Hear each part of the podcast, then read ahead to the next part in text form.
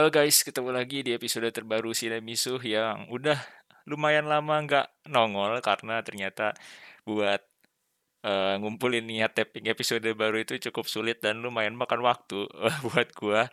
Dan ini momennya emang pas aja sih lagi ada series yang pengen gua bahas, yang mana seriesnya juga uh, baru banget uh, kelar season pertamanya dan udah dikonfirmasi kalau bakal lanjut sampai at least season ketiga bisa jadi lebih panjang who knows tapi yang udah pasti bakal ada sih season kedua sama season ketiganya gitu.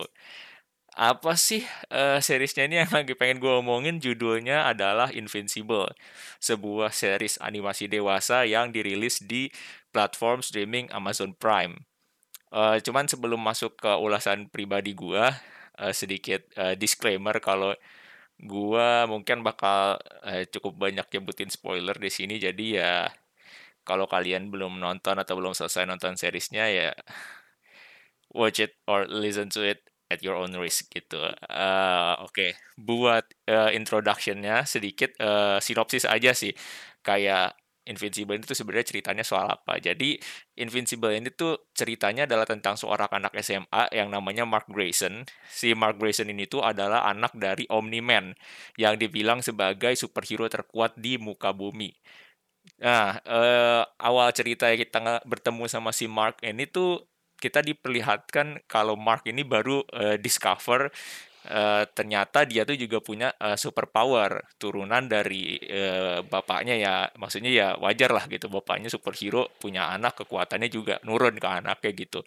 Uh, jadi sepanjang season pertama ini ceritanya tuh lebih ke kalau menurut gue ya lebih menyoal ke gimana si Mark ini nyoba belajar di bawah bimbingan bapaknya untuk bisa handle tanggung jawab baru sebagai uh, superhero baru ya. Maksudnya ya karena dengan adanya kekuatan uh, super yang dia miliki tentu akan ada uh, tanggung jawab tanggung jawab barulah yang datang ke hidupnya dia. Ya seperti kata Uncle Ben with great power comes great responsibility gitu.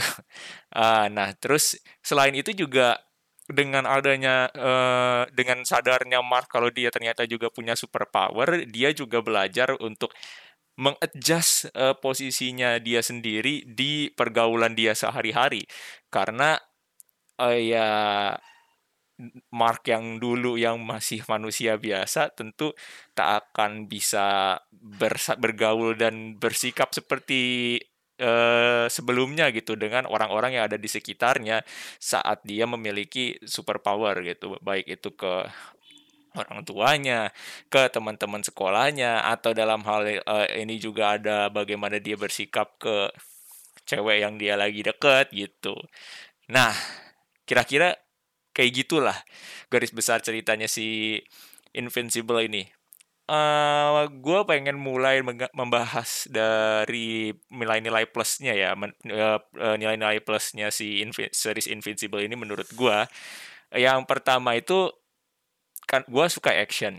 Kalau lu kalau lu juga kebetulan suka film-film yang action yang uh, gak ini ya, maksudnya bukan yang action, bukan action yang PG-13 gitu penuh darah dan segala macamnya. Invincible ini nggak main-main uh, dalam hal uh, yang memperlihatkan kekerasan gitu dan mengemas uh, violence-nya yang uh, di setiap adegan-adegan pertarungannya itu tuh juga apa ya bisa bikin bergidik gitu loh meskipun itu uh, uh, melalui medium medium uh, animasi dan malah menurut gua pilihan untuk memperlihatkan kekerasan yang sebegitunya lewat animasi justru bisa memberikan shock value yang sangat nancep buat yang nonton gitu. Meskipun dari episode mulai dari episode pertama sampai episode terakhir itu di setiap episodenya akan selalu ada adegan-adegan pertarungan penuh kekerasan, tapi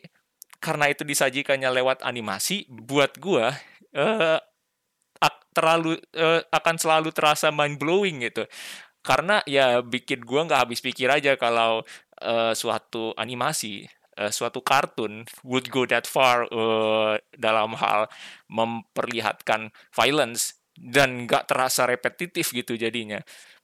Nah terus berikutnya yang menurut gue bagus banget di Invincible ini adalah semua voice actor di uh, tokoh-tokohnya di Invincible itu sangat solid. Pembawaan mereka dalam ngomongin dialog uh, masing-masing karakter itu benar-benar bisa merepresentasikan sifat dan watak dari semua tokohnya itu gitu. Jadi hanya dengan mendengar uh, mereka ngomong uh, suara tone-nya mereka bagaimana mereka berucap kepada satu sama lain itu tuh bisa udah bisa kentara aja uh, udah bisa uh, ke kita udah bisa meraba-raba uh, sebenarnya nih si toko ini tuh sifatnya kayak gimana sih? Si toko ini tuh sifatnya kayak gimana sih? Dan itu tuh sangat diverse gitu. Satu sama lain tuh tuh sangat berbeda-beda uh, karakteristik dan sifat uh, tokoh-tokohnya. Dan itu semua bisa diperlihatkan bahkan tanpa kita perlu melihat adegannya pun dari suara dialognya pun udah sangat uh, tercerminkan gitu. Terus hmm, kalau ngomongin voice aktornya sih, menurut gua memang semuanya bagus, tapi yang paling stand out itu justru menurut gua adalah voice aktornya uh, ibunya Mark, uh, yaitu Sandra Oh, karena apa ya? ibunya Mark itu tuh dari mulai eh, eh, dari awal season sampai season final tuh bener-bener menurut gua nggak ada satupun dialog yang dia pemba uh, tone emosinya tuh semuanya selalu on point dan perfect gitu mulai dari saat si uh, ibunya Mark mungkin lagi happy, ibu Mark lagi mesra-mesraan dengan si Omni-Man uh, nya itu uh, ya lagi mesra-mesraan dengan Omni-Man. Terus di saat-saat tertentu ketika ibunya Marknya lagi vulnerable, semuanya tuh terlihat uh, fantastis menurut gue. Uh, kayak gue sih sangat speechless ya, apalagi saat uh, menjel, uh, separuh kedua dari season pertamanya itu saat benar-benar ibunya Mark di benar-benar uh, kehidupan pribadinya dikacaukan karena suatu satu dan lain hal gitu. Kayak kerentanan yang diperlihatkan oleh si ibunya Mark ini benar-benar kuat.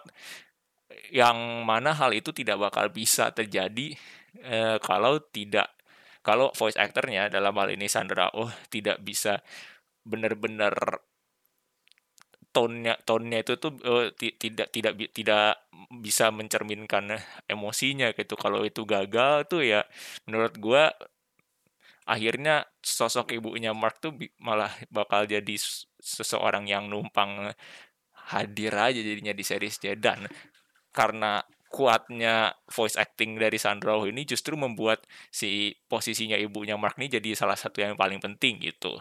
Nah, uh, yang uh, eh, gue agak ngakak juga sih kalau ngelihat ini ya gue rasa mungkin bakal banyak juga yang setuju sama gue kalau uh, para heroes yang ada di Invincible ini itu semuanya tampak seperti direct parodinya dari Justice League. Kita udah bisa lihat itu dari episode pertama banget, bahkan dari adegan-adegan awal saat Omni-Man dan teman-temannya yang tergabung dalam suatu grup bernama Guardians of the Globe itu langsung terjun in action menghalau dua kriminal kembar yang ingin menyerang White House gitu. Uh, di situ tuh benar-benar semua heroesnya itu udah kayak uh, refleksi dari tokoh-tokohnya Justice League-nya DC semua gitu. Omni-Man itu sangat identik dengan Superman. Terus ada War Woman juga yang rasanya sudah uh, kayak pas kalau lu nonton ku kayaknya juga ya udah kelihatan ini Wonder Woman banget nih. Terus ada Darkwing juga yang Batman banget dengan kemampuan berkelahinya dan segala gadget uh, uh, gadget technya yang, yang dia pamerkan. Terus ada Red Rush yang benar-benar The Flash banget gitu. Terus ada siapa lagi tuh ada Aquarus juga tuh yang uh, udah jelas dari namanya udah mirip banget kayak Aquaman gitu. Terus ada Martian Man juga yang jelas banget kalau dia adalah uh, double-nya Martian Man Martian Man Hunter gitu dan ada be uh, beberapa tokoh lainnya ya gitu sih jadinya agak uh, kocak aja dan setelah twist di episode di akhir episode pertama di mana kita ngelihat spoiler alert kalau Omni-Man tuh memancing semua anggota Guardians of the Globe untuk uh, datang ke markasnya mereka berkumpul hanya untuk dibantai semuanya sama si Omni-Man itu. Gue ngerasa kalau Invincible ini tuh jadi tam, uh, kelihatan ini loh. Uh, membawa kita berpikir kalau uh, begini loh. Superman eh, jadinya Superman kalau kalau Superman tuh dari awalnya tuh udah punya mindset atau pola pikir yang sesat yang nggak bener ya. Gitu sih. Maksudnya oke okay, kalau kita ngomongin Superman yang jahat kita udah pernah lihat itu. Atau mungkin lu udah pernah lihat juga itu di timelinenya Injustice di DC gitu. Tapi menurut gua apa yang ada di timeline Injustice di DC itu berbeda dengan uh, yang gua maksud di sini uh, yang dicerminkan oleh series Invincible itu loh maksud gue kayak kalau di Injustice itu kan Superman jadi jahat karena memang uh, ada satu hal yang men-trigger dia untuk kemudian berpaling dari kebaikan menjadi orang jahat. Sedangkan kalau di Invincible ini Omni-Man tuh tam uh, kayak kita ngomongin Omni-Man tuh secara background hmm, apa ya?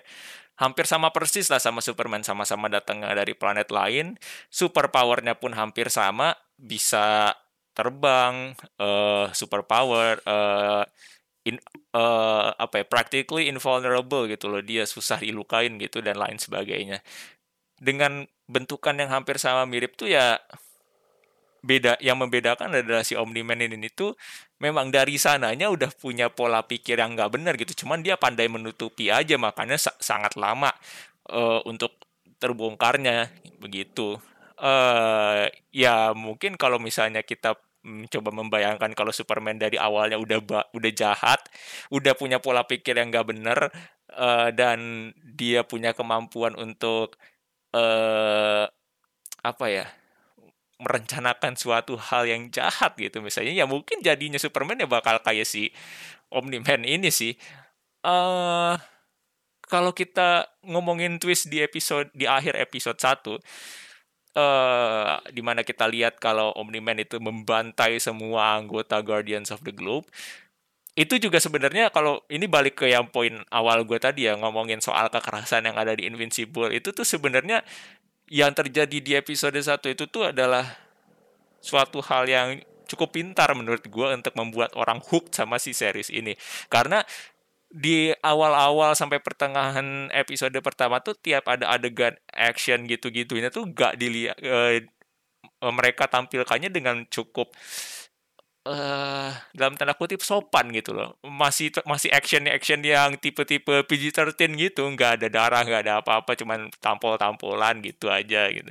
Makanya saat kemudian muncul twistnya yang di akhir saat uh, Omni-Man ngebantai semua Guardians of the Globe itu tuh sangat shocking karena bukan cuman shocking karena si Omni-Man manggil Guardians of the Globe untuk dia bantai sendiri gitu, tapi kok tiba-tiba dari berantem-berantem yang sebelumnya tuh PG-13 di akhir nih tiba-tiba langsung brutal gitu loh kayak badannya ditebas lah, leher di, kepala dicaplok, badan dibelah. Wah, itu tuh kayak bener-bener yang uh, lumayan bikin gue speechless pas nonton pas di uh, episode pertamanya itu gitu.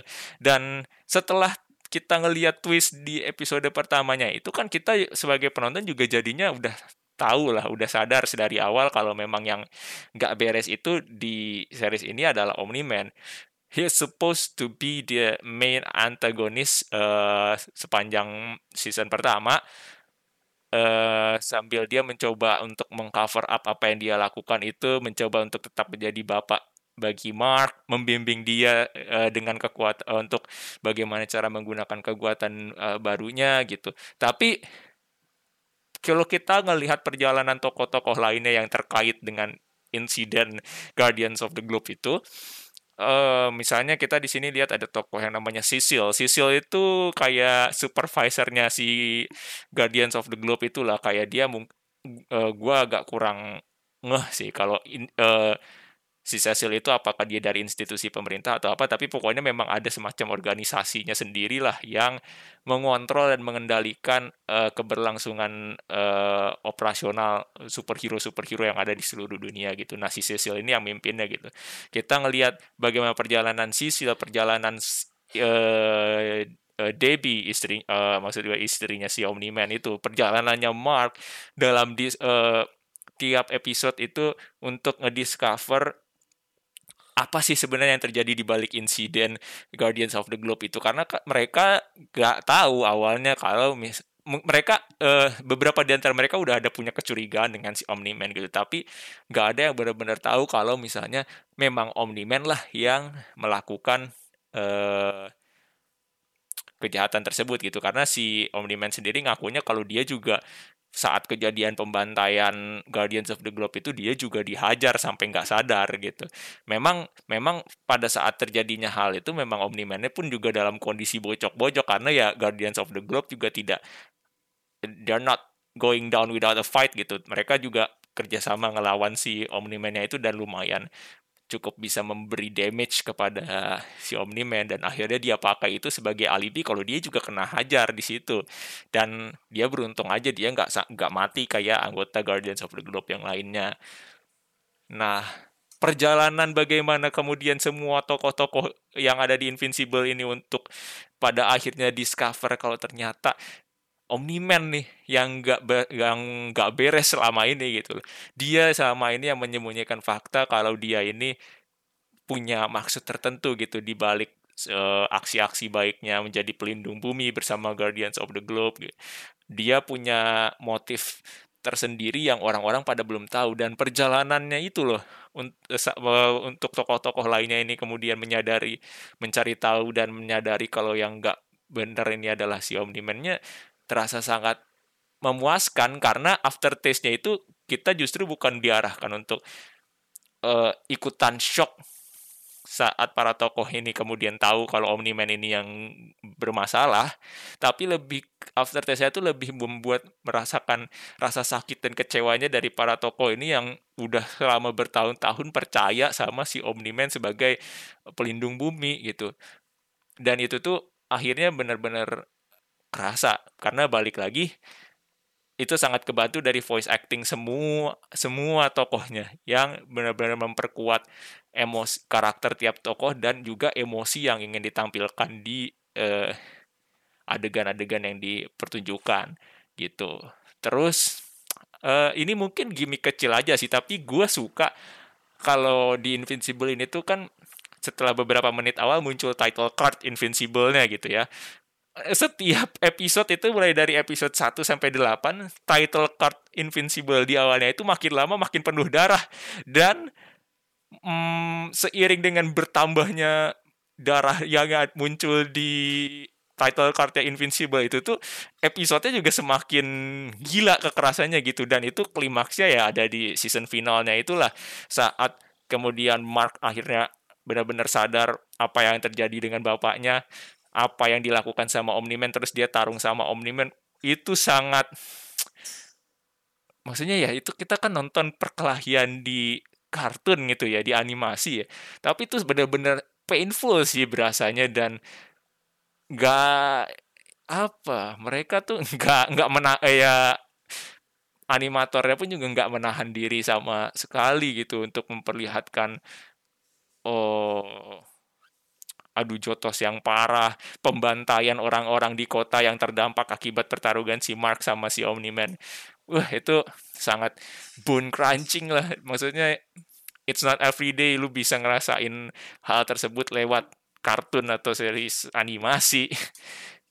nah, dan ini mungkin gue nggak tahu ya ini masuknya bakal uh, sebagai hal maksudnya apakah ini poin plus atau enggak gitu ya. Cuman gue melihat nama atau judul series ini Invincible itu cukup anomali sih. Karena ya Mark itu saat dia memutuskan untuk terjun menjadi uh, dalam tanda kutip superhero profesional ya, dia memilih nama panggung Invincible itu gitu Cuman ya sepanjang series kan namanya juga masih superhero baru ya.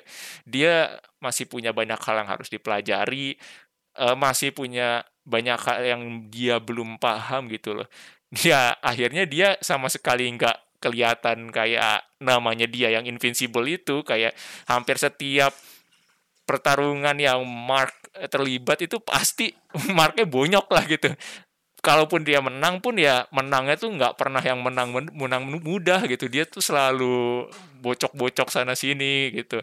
Uh, dihajar bengap-bengap gitu. Ya akhirnya jadi anomali aja. Kayak dia memilih nama invincible tapi kejadiannya ya ya he's not invincible at all karena ya dia masih punya banyak hal yang harus dia pelajarin sih. Dan itu mungkin yang kita bakal lihat nanti progresnya di season kedua, season ketiga, atau mungkin ada season-season berikutnya. Perjalanannya Mark itu sampai dia, apakah dia pada akhirnya benar-benar bisa merepresentasikan merepresentasikan nama panggungnya sebagai Mark the Invincible gitu.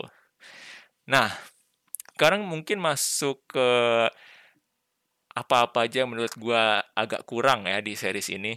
Yang agak kurang di series ini menurut gua subplot-subplot yang diceritakan di luar uh, cerita utamanya soal si Mark Grayson-nya itu sendiri agak kurang ngegigit aja dan gua ngerasa nggak terlalu invested sama subplot-subplot yang diceritain karena gua nggak ngerasa impact kepada cerita keseluruhannya itu signifikan gitu uh, dan ada juga beberapa yang gua rasa tuh kayak uh, setengah matang aja juga diceritain subplotnya entah mungkin memang sengaja begitu untuk di solve di season-season berikutnya atau gimana tapi ya akhirnya banyak banget sih subplot yang gua rasa tuh kayak ya udah buat nambah-nambahin durasi aja supaya cukup satu episode buat jadi 40 sekian menit. Uh, tapi tapi ya nggak nggak nggak nggak benar-benar bikin yang kayak oh ini bagus nih uh, tambahan-tambahan ceritanya gitu terutama cerita subplot-subplot yang menyangkut anggota-anggota barunya Guardians of the Globe yang dipilih sama Cecil uh, untuk menggantikan member Guardians of the Globe yang diba udah mati dibantai sama Omni-Man sebelumnya gitu. Uh, gua ngerasa tokoh-tokoh Guardians of the Globe barunya ini tuh oke okay lah mereka tuh masih uh, bisa dibilang hero yang masih hijau gitu. Uh, they got so much to learn. Tapi gue nggak merasa tokoh-tokoh mereka tuh dengan dengan dengan menariknya karakteristik masing-masing anggota barunya Guardians of the Globe ini tuh nggak digali dan nggak diberikan subplot yang membuat orang tuh semakin invested sama mereka gitu. Gue merasa ngerasanya sih kayak gitu ya. Jadi kayak gue sering banget kalau lagi di bagian-bagian cerita yang uh, spesifik lagi menceritakan apa yang terjadi dengan anggota barunya Guardians of the Globe ini tuh rasanya kayak meh banget. Contohnya kayak subplot yang jadi salah satu membernya di Guardians of the Globe yang baru itu ada namanya robot. Uh, dia tuh sedang melakukan eksperimen rahasia gitulah untuk menciptakan suatu badan muda yang baru supaya dia bisa hidup kembali seperti manusia bukan dalam dalam bukan dalam wujud robot lagi gitu. Nah, ya, yang bagian itunya menurut gua gak berasa aja maksudnya gak berasa kayak terus saat si robot ini kemudian udah dapat badan barunya itu sebagai uh, mendapatkan badan baru yang dia idamkan yang udah dia cari-cari itu terus apa gitu nggak ada nggak ada gue nggak ngerasa ada keterkaitan yang lebih jauhnya lagi dengan cerita utamanya uh, kayak ya udah gitu ya ini cuma sekedar nyeritain robot lagi nyari badan baru udah nggak ada lagi sedikit sekedar itu aja makanya juga agak kurang merasa uh, tertarik lah sama subplot-subplot yang ada di Invincible ini. Terus namanya juga cerita coming of age ya. Kayaknya tidak tidak mungkin tidak tidak diselipkan cerita uh, atau unsur-unsur romance di dalamnya. Jadi Mark ini kan juga ceritanya lagi deket sama satu cewek kalau di Invincible itu namanya Amber. Uh, apa ya? Tapi gue ngerasa chemistry-nya antara Mark sama Amber ini pun nggak pernah yang bener-bener kuat gitu kayaknya dan akhirnya gue juga ngerasanya ya ngelihat mereka berdua sebagai pasangan tuh ya gue juga nggak merasa begitu nyantol sama mereka. Karena ya apalagi saat mereka berdua berkonflik gitu ya. Misalnya Mark lagi ada suatu hal yang membuat Amber marah terutama karena Mark juga punya tanggung jawab sebagai superhero yang dia mencoba tutupi itu dari Amber.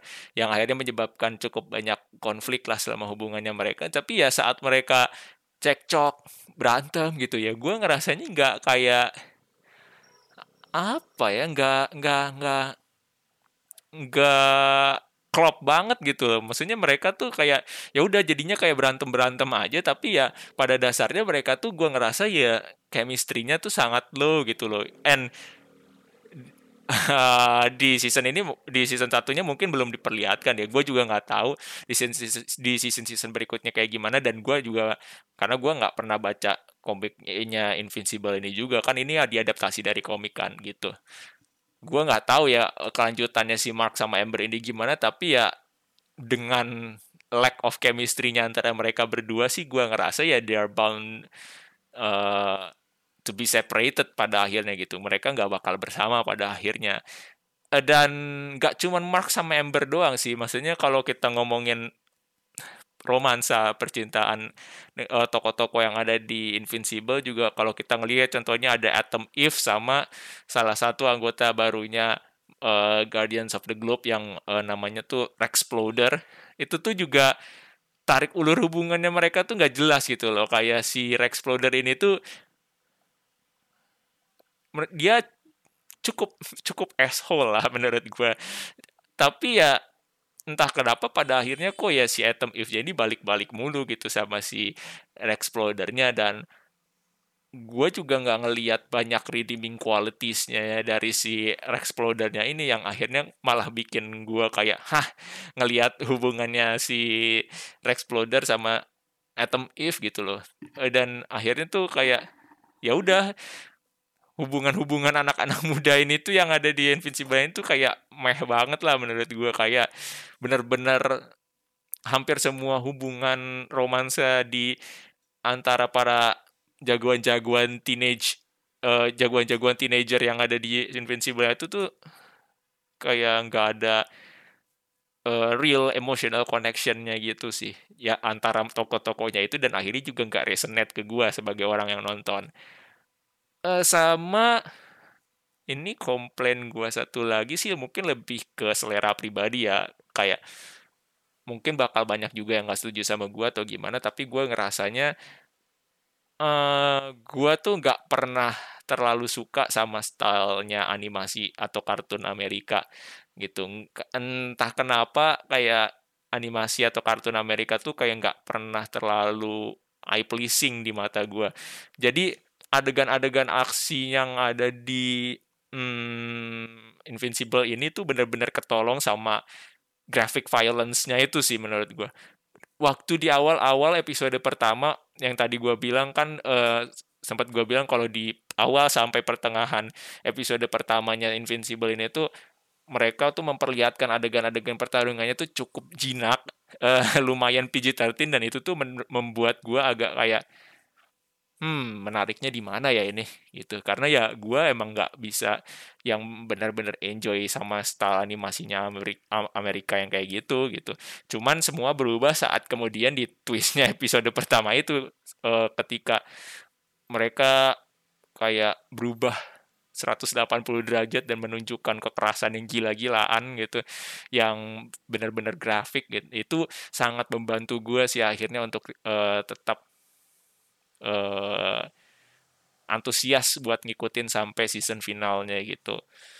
Kalau misalnya mereka memilih untuk membuat Invincible ini jadi PG-13 sih ya gue nggak yakin sih kalau gue bakal betah uh, mantengin nih dari si episode 1 sampai episode 8 ya cuman balik lagi sih itu masalah tes pribadi aja pada akhirnya ya Invincible ini sangat recommended karena series animasi ini tuh memberikan rasa yang berbeda aja sih.